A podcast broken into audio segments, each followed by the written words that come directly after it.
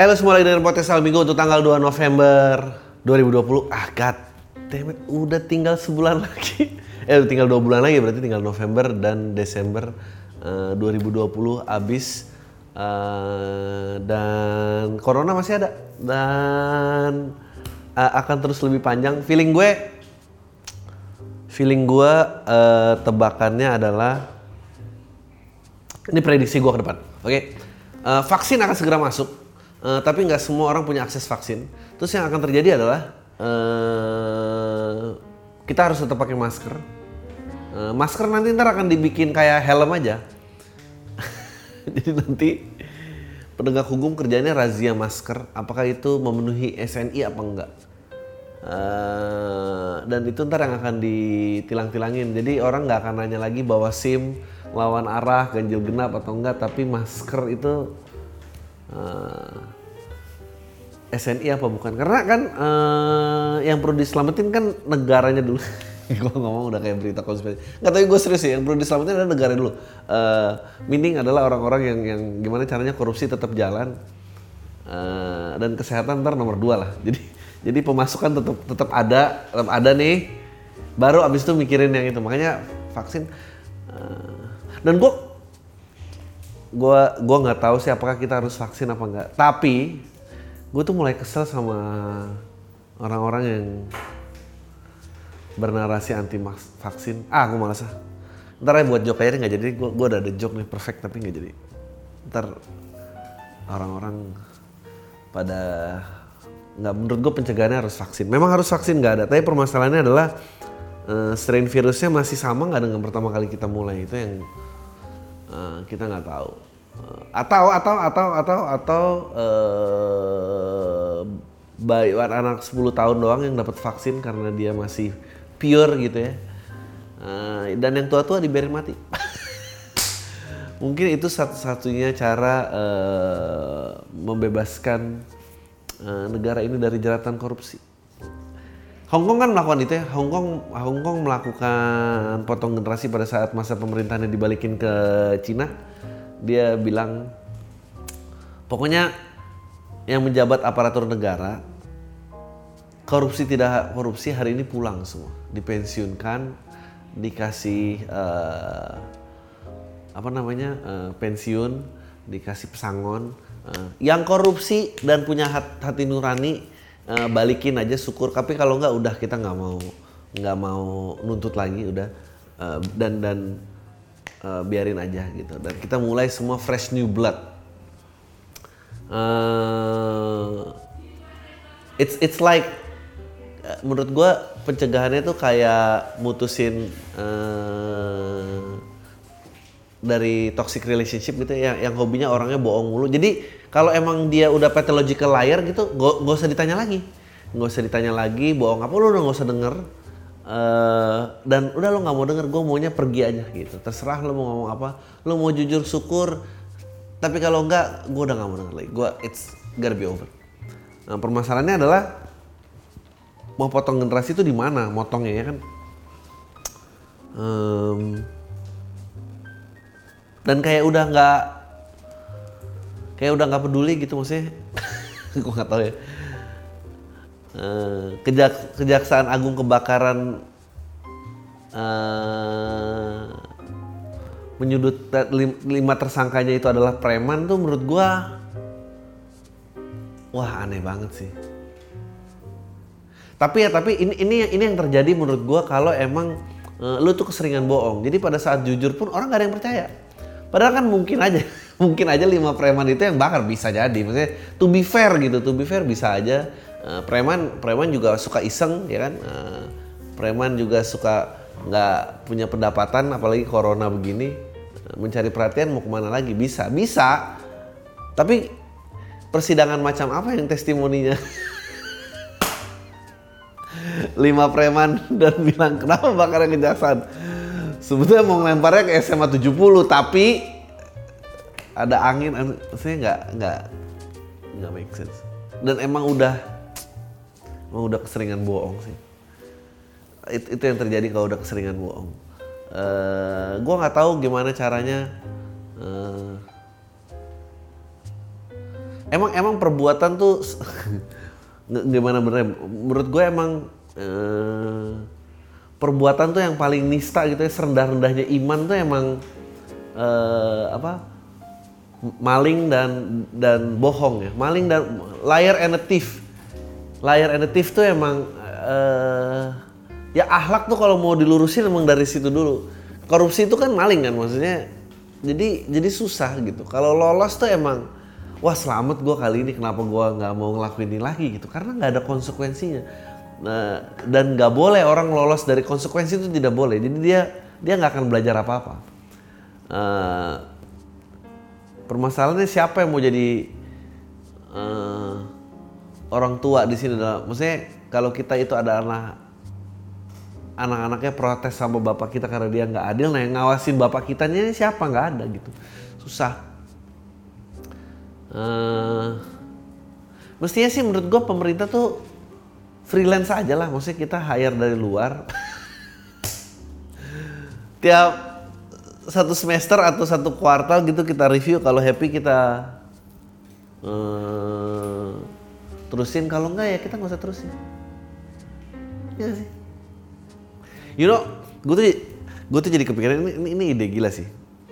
Uh, gue punya teorinya jangan-jangan artificial intelligence itu uh, tidak pernah menjadi populer karena yang pertama kali terancam sebetul gue kan orang selalu bilang kan uh, ekonomi uh, diarahkan ekonomi kreatif karena nanti pada akhirnya artificial intelligence itu uh, bisa mengambil alih beberapa pekerjaan yang tidak memerlukan kreativitas. Jadi hanya manusia yang punya capability of creating. Makanya di Inggris juga udah 60% konsentrasinya uh, ekonomi kreatif. Amerika udah dari zaman dulu. Nah kita juga kayak gitu. Tapi jangan-jangan ya, tapi jangan-jangan.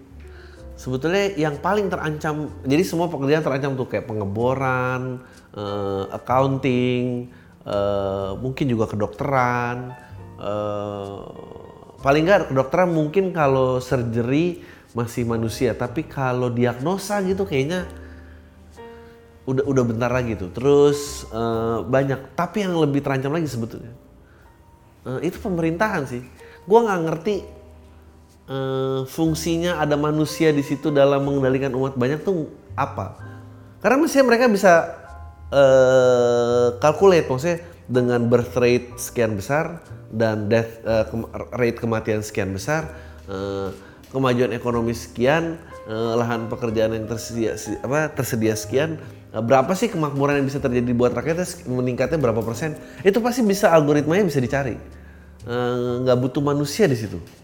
Itu kan kerjanya administratif doang gitu dan uh, kalau gue jadi pemerintah, gue nggak mau sih ngebiayain AI karena pasti kerjaan gue dulu kan yang terantang. Maksudnya sekarang uh, karcis parkir aja bisa nggak pakai orang, maksudnya tinggal cetet-cetet gitu doang, tempel-tempel bisa bisa bisa. Tapi uh, ya gitu emang, know, kita disibukin sama hal-hal uh, yang nggak penting gitu.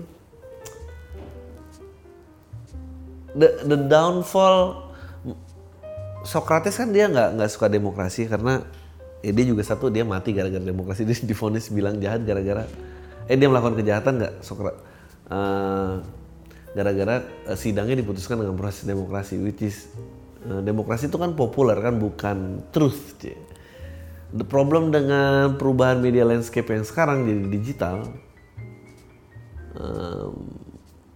media-media itu kehilangan kredibilitasnya dan mulai uh, dan mulai kebingungan mencari audiens barunya gimana. Jadi dia harus mempul audiens dulu. Pulling audiens itu jauh lebih penting daripada mendistribusikan kebenaran berita. Uh, karena karena jujur aja gue nggak ngerti sih appealnya ada komodo ngehadang truk di tengah-tengah corona itu maksudnya signifikansi berita itu tuh apa gitu ih anjing itu mah emang karena you know uh, binatang itu adalah suatu uh, yang logaritmanya bisa tercari, uh, maksudnya bisa dilacak di sosial media. uh, semua senang ini. Uh, gua rasa berita populer tuh juga kan selalu menjadi berita populer kan yang uh, anti reklamasi, ya kan? Jadi generasi generasi-generasi woke uh, itu kan orang-orang yang selalu pro alam dan pro binatang kan. Wah jadi kalau ada berita uh, yang merusak alam dan binatangnya ikut melawan, wah pasti viral dong. Gua bener, bukannya bukannya gua pro itu Pulau Komodo dijadiin Jurassic Park atau apa ya, bukan. Tapi maksud gua kayak, coy ini pandemi, gimana nih pandemi? Ya Allah, terus semua orang ngeliatin itu gitu. Kayak mana yang uh, bersuara uh, anti reklamasi kemarin? Mana? Semua udah nggak ada. Reklamasi tetap jalan gitu. Karena itu duit investor ada di sana. Nggak mungkin mau dibalikin men. Ah lo tuh semua juga sama aja. Lo semua sama aja beneran. The first concern menurut gue sih top of the line corona sih. Ini mau sampai kapan sampai mas pakai masker masker ini? Gue ngomong semua orang udah nggak jelas semua orang di mall kayak Michael Jackson men pakai pakai masker pakai sarung tangan. Serem banget ya. Sarung tangan tuh role model gue terakhir yang gue suka pakai sarung tangan tuh Kotaro Minami loh maksudnya selebih gue ada itu juga Kotaro Minami ujung jarinya buntung sarung tangannya kenapa kita jadi kayak gitu? Ah ya. Sedih gue sedih. Gue nggak ngerti bintang komodo itu fuck the komodo men mau dijadiin apa juga ya biarin aja. Um, oke. Okay. ini nih gue baca beritanya ke uh, uh, statementnya menyatakan bahwa mengungkap kalau kejaksaan agung itu terbakar karena ada tiga puntung rokok. Kenapa punting sih? Puntung rokok ya ampun. Bekerja bangunan di sana. Jadi pekerja ini lagi ngerokok terus puntungnya dibuang di plastik sampah Nah baranya dari puntung itu akhirnya mau ngebakar gedung jaksa. Ya memang tugas manusia tuh adapt or die ya. Jadi kalau lu di titik di mana archiving masih pakai kertas gitu dan stempel dan apa ya kebakaran lah maksudnya handphone udah di mana-mana tapi archiving pakai kertas gitu ya pantas lah ngelempar puntung rokok kebakar. Tapi yang gue salut adalah sebetulnya terlepas dari ini tuh lu sadar gak sih kalau orang-orang kaya atau orang-orang berkuasa tuh selalu punya akses untuk solving their problem? Selalu punya akses men. Kalau gua punya saudara laporannya masuk ke polisian gua nggak tahu lo minta tolong siapa untuk bakar kepolisian kepolisiannya tolong tuh laporannya biar hilang gimana? Gue nggak tahu nelpon siapa. Gue nggak tahu harus ngefollow twitter siapa. Gue nggak tahu harus nge dm siapa. Gue nggak tahu. Tapi orang-orang yang powerful tuh tahu gitu kayak dia ngomong-ngomong ya ini ada arsip yang harus dihilangin di kejaksaan gini gini, gini telepon siapa saya tahu pak orangnya pak ada. Nanti ntar exit strateginya gimana? Ya exit strateginya bilang aja ada preman lagi ngerokok tiga puntung rokok kelempar. Oh anjing itu itu itu, itu ngekonekin dotnya itu loh gue nggak tahu di mana men nyarinya. Paling paling yang gue punya cuma temen yang kayak kenapa lo nelfon jam segini? Lo mau curhat apa lagi sih Dri ya udah sini gue dengerin. Udah itu doang. Gue nggak punya akses.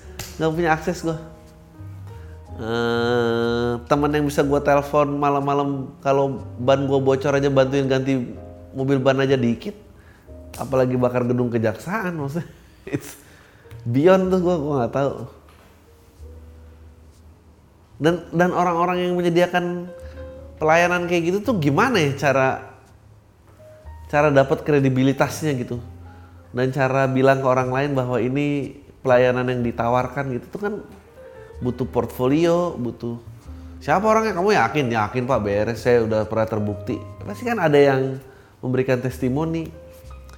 It's ya. Yeah.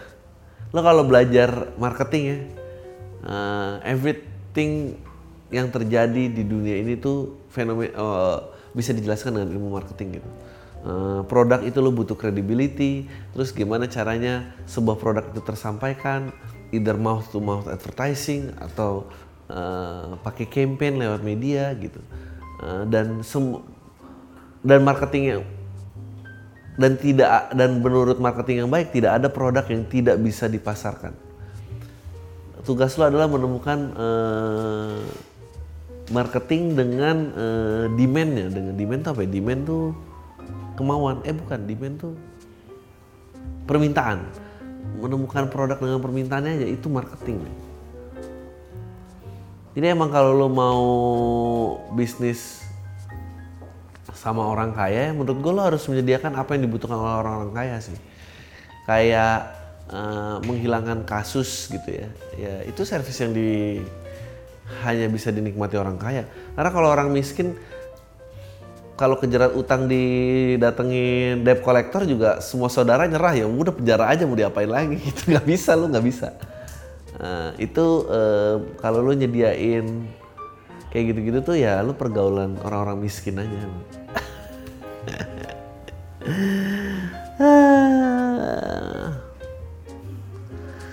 Oh ini keren banget nih. Penyidik akhirnya mencari tahu kenapa api cepat menjalar dan ditemukan pembersih lantai mengandung bensin, solar dan pewangi. Gue nggak ngerti sih kontribusi pewangi ini dalam kebakaran apa, tapi kenapa ditulis di media. Ya, ini ya berita-berita yang ini. Polri sendiri akhirnya menetapkan 8 orang tersangka atas kejadian ini. 8 orang bakal terjerat pasal 188 pasal 55 KW dengan ancaman 5 tahun penjara. 5 tahun penjara kejaksaan yang kebakaran sih menurut gua ringan sih. I mean kalau lo bayar orang 500 juta untuk ngedekam di penjara, biar dia jadi kambing hitam ketemu nggak orangnya ketemu gue rasa karena kan nggak semua gaji kalian yang nonton ini setahun bisa 100 juta kan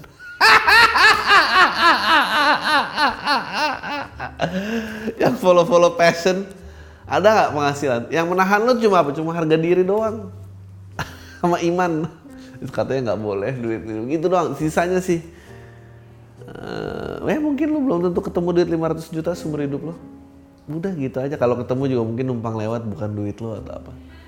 Nah, dan orang-orang yang menurut gua rela mendekam di penjara dan dibayar 500 juta tuh orang-orang yang realistis. Maksudnya asal dijaga keluarga gua gue ini 500 juta anak bisa sekolah lumayan lah.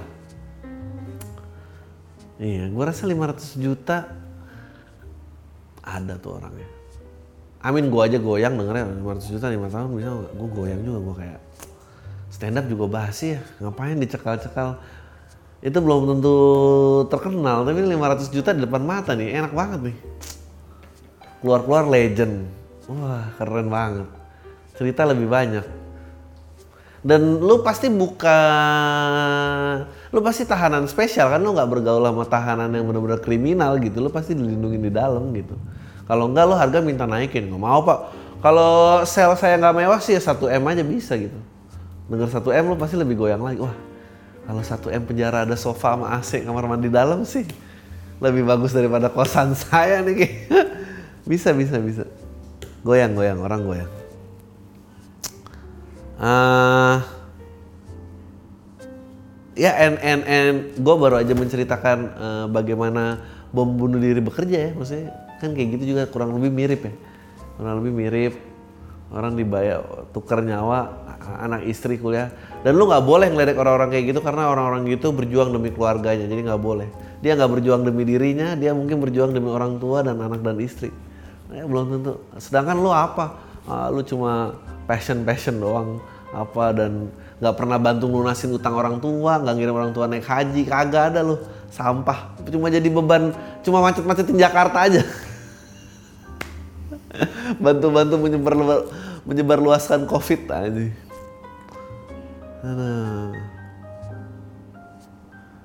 Oke, okay, apalagi nih next story-nya? Eh, Lanina. Oh. BMKG sudah memperingatkan curah hujan yang akan meninggi pada Desember 2020 dan Februari 2021.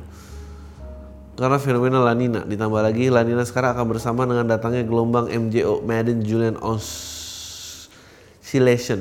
Gelombang MJO ini akan berdampak pada oke. Okay ya nggak apa-apa lah hujan aja lah mungkin orang nggak banyak bergerak corona nih bener emang emang obatnya corona di Indonesia itu cuma alam kan pemerintah nggak ngapa-ngapain lah. Berdoa aja curah hujan turun banjir di mana-mana. Lockdown deh otomatis deh. Iya. Virusnya lebih nggak bisa nyebar lewat air kan daripada udara. Mendingan biarin aja. Tau lah gue udah kesel. Gue suka nih uh, gue gue tuh suka banget uh,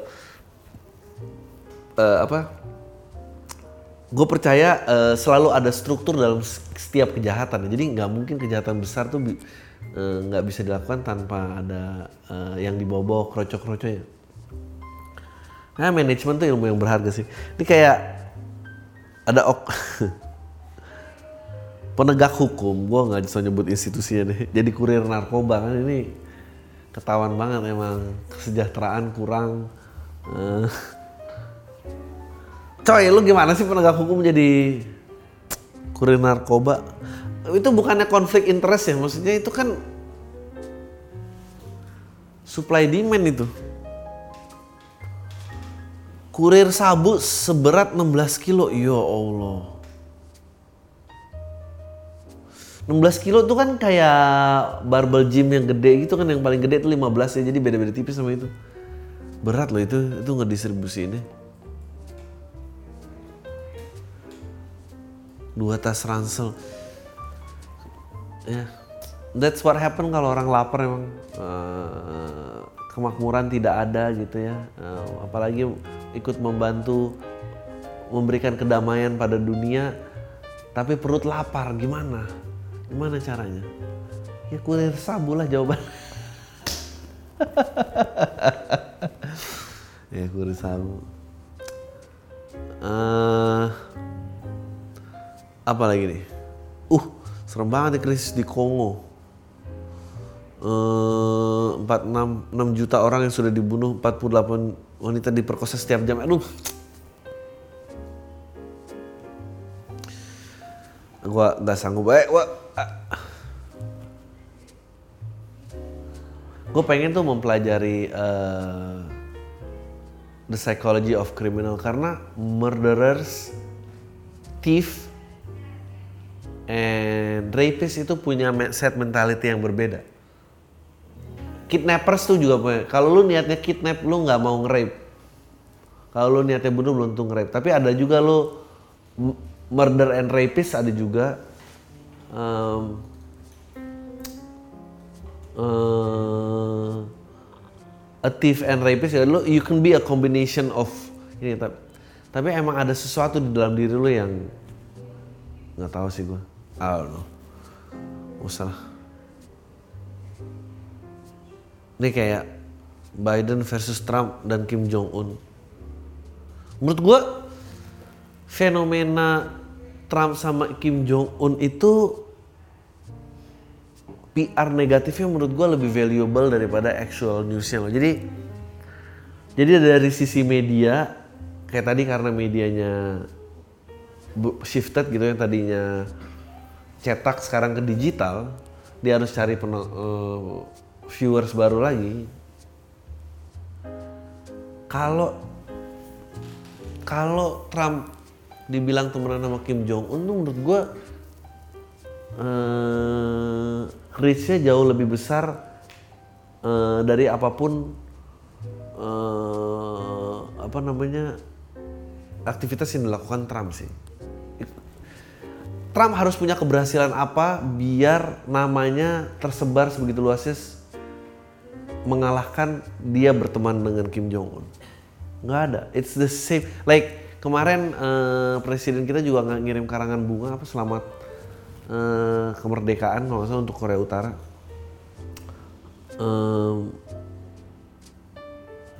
Itu dengan you know kemajuan vaksin COVID siapa yang mau ngikutin berita itu nggak ada. Uh,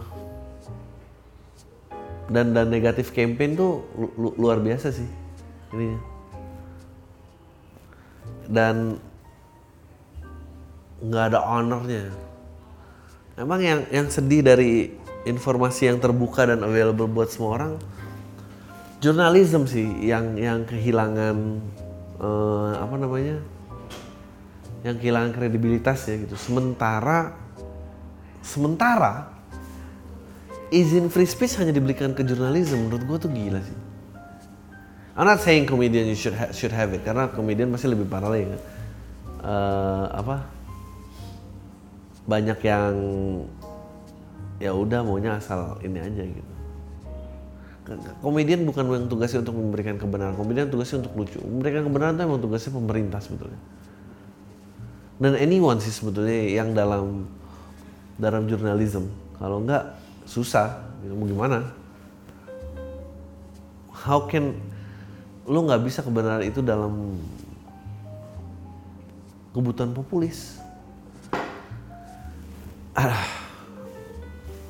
Video via Valen jiplak video Iu. Alah anjing tadi lebih nggak penting nih. Via Valen siapa? Iu siapa? Gue tadi nggak bisa baca nih. Iu Ayu, Ayu semua suruh minta maaf gitu. Solusi ketersinggungan sosial media itu semua semua minta maaf sih.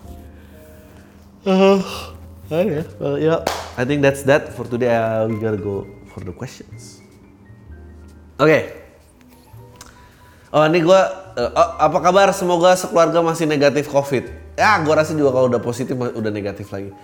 Uh, gak tau gue udah gue nggak ngecek diri gue tiap hari juga udah capek. Seandainya abang so, orang penguasa di negara ini abang punya banyak kenalan teman dan juga musuh dari kalangan mafia konglomerat public figure artis atlet semua. Sampai netizen abang punya relasi semua. Nah kira-kira abang ada rencana atau strategi nggak buat bikin kebijakan meris merecovery negara kita ini baik dalam ekonomi atau kesehatan? Edan! Jadi Adri kalau jadi presiden ini kayak gue kayak ngasih program pemilihan gitu ya. Uh, sebetulnya udah telat sebetulnya udah telat. I don't know. Sebetulnya waktu ada pasien satu yang mesti harus dilakukan adalah uh, lockdown perbatasan dulu. Lockdown uh, pokoknya Jakarta, Bali, uh, perbatasan di Kalimantan tuh dengan Brunei sama uh, perbatasan darat dengan Papua itu lock dulu. Lock dulu. Uh, udah sih lock aja sih. dan dan uh, kan ekonomi tetap bisa berjalan domestik. Karena Indonesia tuh sebetulnya kekuatannya ekonominya domestik. Kita nggak gitu relying banyak dari ini. Tapi sekarang kalau ruang geraknya udah dimatiin ya susah. Yang jelas adalah uh, gue baru sadar juga ibu kota gitu misalnya. Gue baru sadar ibu kota tuh ekonominya emang uh, bertumbuh pada sektor yang mendukung nongkrong-nongkrong. Jadi kita nggak punya actual ya penghasilan apa ya? Maksudnya makanya properti eh, mobil kan juga menunjang nongkrong kan? Maksudnya lu jalan dari titik A ke titik B eh, semuanya tuh mobilisasi semuanya. Kita nggak ada yang dikerjain emang selain nongkrong emang lagunya slang tuh bener makan nggak makan asal ngumpul tuh bener banget. Nah, sekarang kan yang serem tuh kayak lihat mall udah mulai sepi lihat uh, restoran mulai sepi. Uh, tapi bukan berarti kita nggak bisa bertahan dengan pangan kita sendiri, bisa. Uh, sekarang ya tapi udah gini, kalau merecovery, misalnya penyakitnya udah hilang gitu, gimana cara merecovery mobilisasi? Menurut gua, hmm, jangan ada yang keluar negeri dulu gua rasa paling yang tersiksa orang-orang kaya doang kan. Yang miskin lu lu nggak keluar negeri juga. Uh, nggak uh, tahu sih gue apa ya? Dia harusnya uh, gimana caranya menciptakan kebiasaan nongkrong tapi tetap aman? Nggak bisa sih susah kalau mau tuh herd immunity-nya beneran gitu. Jadi ada ada utusan dari pemerintah yang kena covid ya.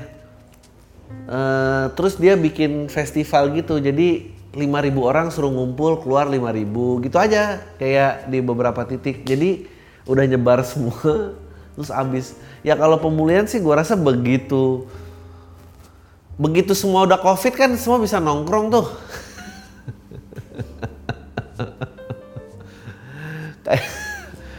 Gue boleh gak sih ngejok ini? Gue nggak jadi ntar, nggak sopan. Nggak usah deh nggak jadi. Ya kira-kira gitulah. Gua rasa herd immunity mesti dipush aja. Daripada ditutup kagak dibuka ini nggak jelas sih kayak gini. Kalau semua udah covid kan nggak ada covid lagi gitu. Jadi ya udah gitu tinggal nongkrong aja bebas. Tapi harus serentak memang. Tiba-tiba tapi ditipu aja. Kayak ada festival dangdut akbar di setiap kabupaten. Nah itu tapi artisnya covid semua itu. Jadi kita ngumpul pulang covid semua udah das gitu. Eh nggak apa-apa yang yang lemah mati ya kan? Eh, terus yang anti vaksin mati juga ba- banyak kok yang yang ngulin mati da- dari jadi ntar yang sisa nih orang-orang yang kuat dan pemikirannya maju gitu. Yang eh, yang bilang eh, corona itu propaganda ternyata nggak ada itu mati juga. Jadi mati banyak tuh anti vaksin sama yang nggak percaya corona mati enak banget. Kan yang sebel itu kan lu tau gak sih yang sebel dari corona orang yang paling ngejelei kalau bahasa Padang tuh ngejelei itu apa? Paling nggak bisa dibilangin paling paling bandel gitu. Untuk pakai masker dan cuci tangan. Itu orang yang nggak pernah corona men. Yang corona tuh Pak Budi sebelah yang nggak pernah keluar yang cuma pengen meluk cucunya doang tiba-tiba dia corona mati. Lah itu tuh yang mati. Gue nggak ngerti kenapa. Jadi mendingan dihajar aja. Anjing tiba-tiba di viral lagi. Oke, 10 pilihan, pilih mana yang lebih suka tanpa kenapa alasannya milih itu. Michael Jordan, LeBron James. Michael Jordan dong tentu. Eh, satu karena umur, deh. Kedua, Jordan, menurut gua LeBron James, tapi semua orang akan marah. LeBron James tuh berapa kali final? 15 kali kalau salah ya. Dan dia, apa 13? Pokoknya antara itu. Dia ke final tuh lebih besar. Michael Jordan tuh 6 masuk final, 6 kali menang. Eh, Kobe Bryant itu 7 kali, 5 kali menang. LeBron itu 14 kalau nggak salah. Menangnya 4 kalau nggak salah ya. Apa 13? Pokoknya dia di atas deh. Eh, menurut gua dia weaknya itu sih. Eh, dan I don't know. Pokoknya sejak eranya dia kan sebetulnya sejak Celtics 2008 sih. Eh, player bisa opt out, player bisa ngegeng dan gua mau main di satu tim barengan. Eh, itu takes away of the joy of competition sih. Eh, jadi mungkin kejuaraan dia yang gue hitung cuma Cavaliers. Lakers itu anjing banyak banget coy temen itu berapa All Star itu 10 kali. Sedangkan Bulls tidak dalam tim seperti itu.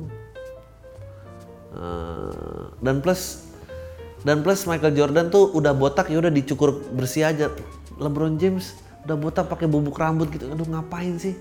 Gue nggak suka sama orang denial. Tai gitu tiba-tiba pilih Michael Jordan karena botak dicukur nggak botak denial. Ronaldo atau Messi? Eh Cristiano Ronaldo kan ini bukan Ronaldo Gitong. Eh gue Messi sih. Hati gue buat Messi karena menurut gue freak of nature. Gue tuh suka gue tuh suka atlet yang freak of nature. Maksudnya Jordan tuh freak of nature. LeBron juga freak of nature sih. Messi sih freak of nature sih. Gue nggak ngerti sih itu orang. Tapi emang nasibnya kasihan. Tapi gue Messi sih. McGregor or Nurma Gomedov. Oh, Nurma Gomedov. I have to say McGregor karena uh, satu as a fighter dia very well balanced fighter. Um, tapi uh, susahnya uh, dengan martial arts sports itu jelek itu pada saat udah kaya. Itu mau olahraga orang miskin itu. Gak maksudnya orang-orangnya juga begitu, tapi begitu udah kaya dia tidak punya kelaparan dan kebuasan yang sama saat dia miskin. Dia kan mulai aneh pas sudah mulai flashy-flashy kan. I think eh, si siapa tuh namanya? Yang baby face. Julukannya baby face. Yang tinju yang gayanya kayak gini. Siapa junior? Mayweather. Mayweather tuh katanya dia ada ritual kayak tiga bulan tinggal di gubuk gitu atau kayak house project biar ngetrik mainnya bahwa dia tuh miskin lagi dia harus keluar dari mansionnya dia. Kalau nggak dia akan kayak oh gue gue udah kaya nih gue buat apa tarung life and death situation. Uh, McGregor juga orangnya sih tapi gue gue sangat menikmati dia showmanshipnya juga sangat menikmati. Uh, and he's very relaxed Bruce Lee atau Mu- Musashi, Mu- Miyamoto Musashi? Wah, interesting. Gu- Gua sih Mus- Musashi Miyamoto sih. uh, everything that you need to be stronger, faster itu semua ada dalam within dalam diri lo. Uh, I think Bruce Lee juga also said something similar. Gue suka Musashi Miyamoto karena menurut gue trajektori dia sebagai manusia tuh lebih komplit. Dia dari anak yang dibuang, uh, mengikuti perang, mencari nama, membantai, um, and then uh, jadi masa artis, terus petani, jadi guru, jadi maksudnya dia lengkap. Bruce Lee nggak mengalami itu. Bruce, Bruce Lee terlalu muda sih. John Mayer or Ed Sheeran? Ah.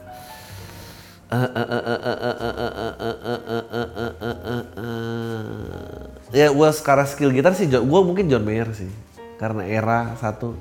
Kedua dan dia tuh detox fame gitu gue suka banget. Dia sempat ada periode di mana dia sangat Hollywood macam-macam orang terkenal. Ya kelihatan lah OKB kalau OKB kan gitu kan terkenal orang OTB OTB orang terkenal baru kan gitu langsung ganti-ganti pacar. Lo bisa lihat deh lo bisa lihat semua selebriti uh, yang sedang menaiki tangga fame-nya dia akan berganti pasangan seolah-olah mengikuti fame-nya dan dia sangka itu adalah solusi dalam kehidupannya ternyata bukan. John Mayer menyadari itu. Gue suka. Uh, tapi Ed Sheeran juga spesial. Dia nggak skillful sebagai John Mayer. Dia marry to his high school sweetheart kalau nggak salah. Uh, dan dia juga orang yang sangat dalam di saat muda sih. Gua gua gua gua have to go with John Mayer karena Ed Sheeran masih muda aja sih. Gue belum tahu dia downfallnya di mana. Oh, menarik nih ini orang ini kayak sangat mengenal gue nih. Erdinger Dangkel atau Guinness? Erdinger Dangkel lagi lah lo. Karena lebih mahal dan gue udah mampu. Kalau yang lain mau. Guinness, Guinness gak enak men. Mercedes atau Tesla? Mercedes gue. Tesla tuh, Tesla mobil tuh, aduh, buat gue eh, petrol, kerja piston, eh, it, it, itu mobil sih, mesti itu mobil. Anything elektrik tuh emang udah anjing gue kayak boomer banget, elektrik ogah, sosial media ogah. Tapi tapi karena Mercedes juga mewakili culture yang udah kita bangun kayak gue nggak kebayang sih F1 tapi elektrik gitu ah, nggak ada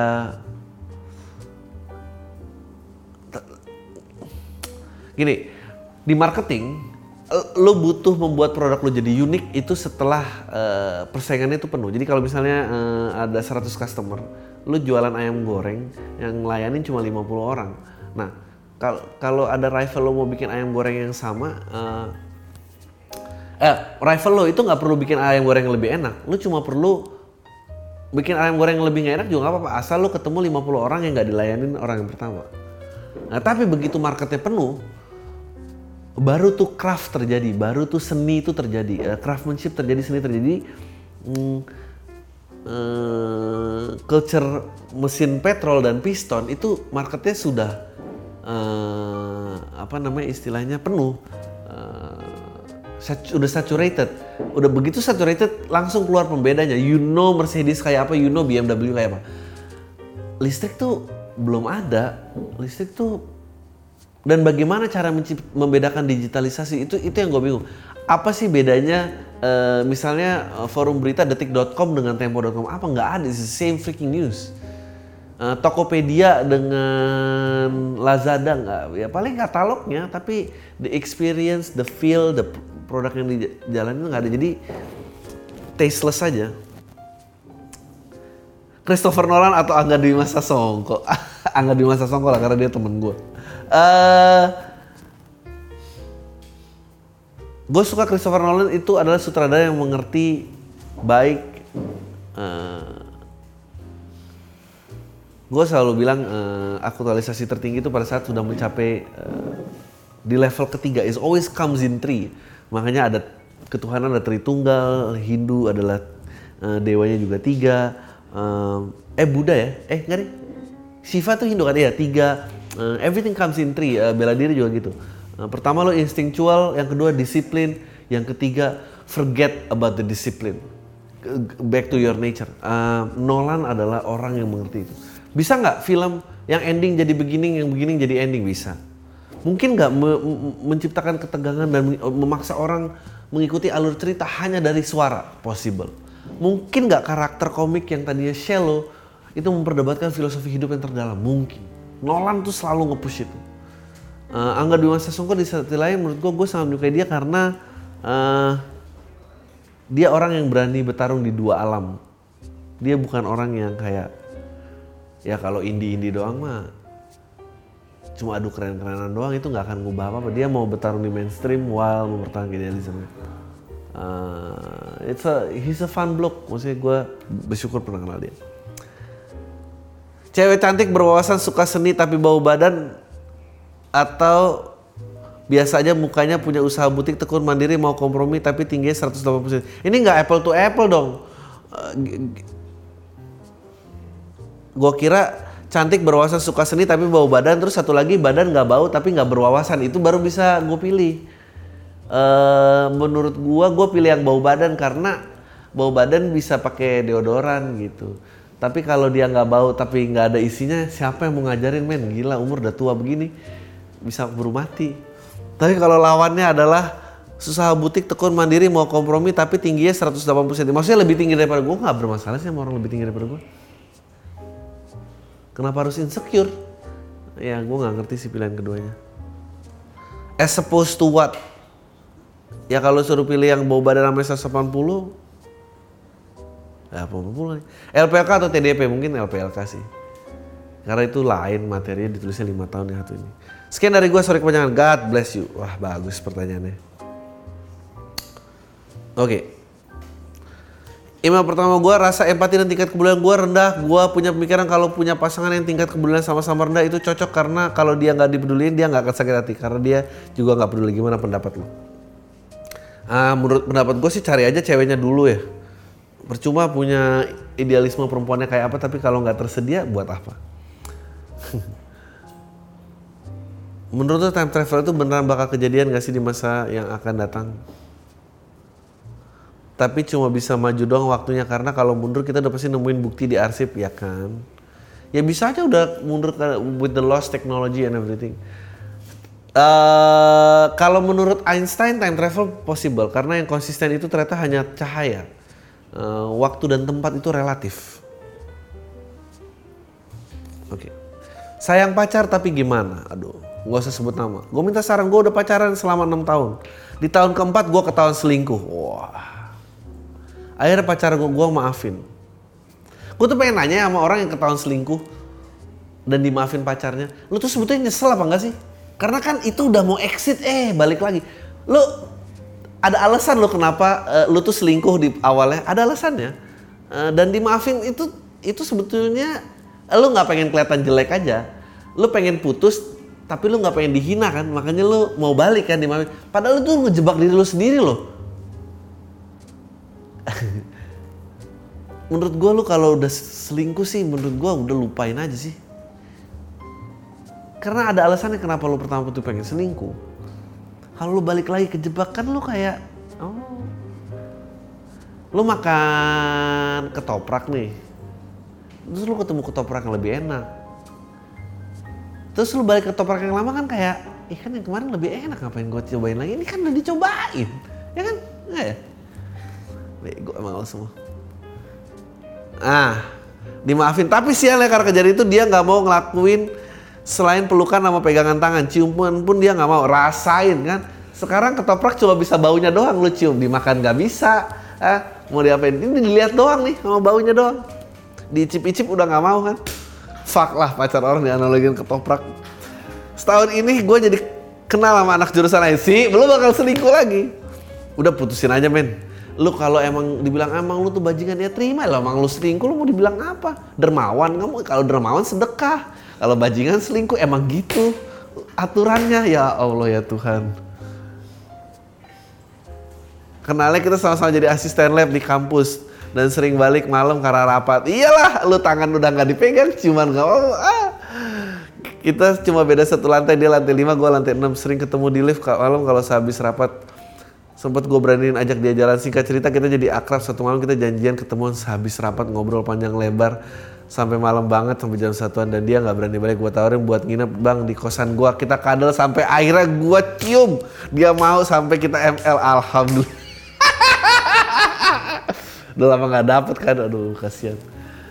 Lu pasti ntar bilang ya ih pak. Iya pacar aku sih udah nggak ngasih ya. Nggak deh akhirnya kita sering lakuinnya setahunan ini. Wah edan Gimana bang ngakhirinnya? Di satu sisi gue sayang sama cewek gue tai. Lu tuh gak sayang sama cewek lu bangsat. Lu kalau sayang lu gak ngelakuin ini. Lu tuh cuma gak mau dicap, lu tuh jelek. Dan hubungan kita udah mulai serius. Ya elah. Gak serius lu tuh gak pegangan tangan ya. Tapi di sisi lain gue juga gak mau pacaran kaku banget ya. Yang putusin aja lah sarannya udah. Ah, goblok. Goblok, goblok, goblok, goblok gue lagi berantem sama pacar gue gara-gara nyokap gue nggak suka lihat gue pacaran. Karena emang orang tua gue konservatif aja.